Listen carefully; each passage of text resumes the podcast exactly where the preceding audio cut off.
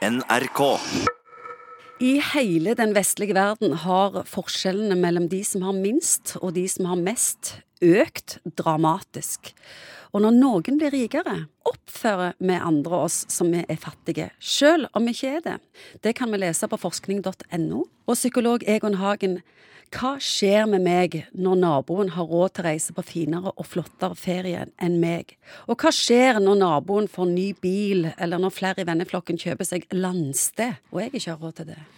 Ja, Det er jo det der paradokset at hvis du tenker litt historisk på det, så har vi det jo alle utrolig godt. Og vi lever jo sånn som overklassen levde tidligere på 1800-tallet. Alle vi har varmer i gulvet, og vi har litt Nok mat, nok mat tak over hodet. og alt dette.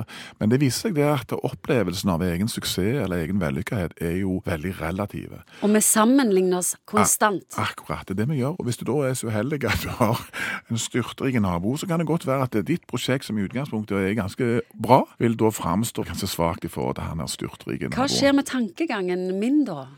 Ja, noen kan være sånn at det er andres vellykkethet blir en påminnelse om egen tilkortkommenhet. Men det er ikke sikkert du skal utvikle akkurat det tankesettet der, fordi at det vil gjøre selvfølgelig at du har konstant en kime til å føle deg elendig og mislykket. Hvordan kan du snu tankene rundt dette? Hvordan kan du i større grad verdsette at faktisk er du i den heldige situasjonen at du har ikke lånt til pipa eller noe for å kjøpe deg en grella dyre bil. Du har en bil som virker i forhold til det formålet som kanskje du har. Det er liksom ikke grenser hva du kan legge i sånne forbruksting hvis du først vil. Det må hjelpe oss litt sjøl til å minne oss på hvor vi faktisk er henne. Fordi at alt er relativt. Hvis du tjener 500 000, så er det en som tjener en million. Men hvis det er en som tjener en million, så er det noen som tjener ti millioner. Altså, Du kommer aldri unna det. Da. Det er liksom et sånn nullsumspill. Så trikset er å i større grad greie å fokusere på ditt eget opplegg. Hvordan har jeg det i forhold til? For mange ganger så er det jo sånn at er du sikker på at du skulle hatt så mye mer penger? Er du sikker på at du skulle reise mye mer? Hvor mye kan du spise, og hvor mye kan du drikke? Altså Du kan snu disse tingene istedenfor å gå og se på han som kjører rundt i den der grævla dyre Audien. altså. Dette året har vi hørt spesielt mye om forskjeller og hvordan det gjennomsyrer alt vi tenker, lever på, måten vi forholder oss til andre på. Vi ser at politikerne har hatt sosial ulikhet på dagsorden på en helt annen måte enn før. Hvorfor er det så viktig med likhet?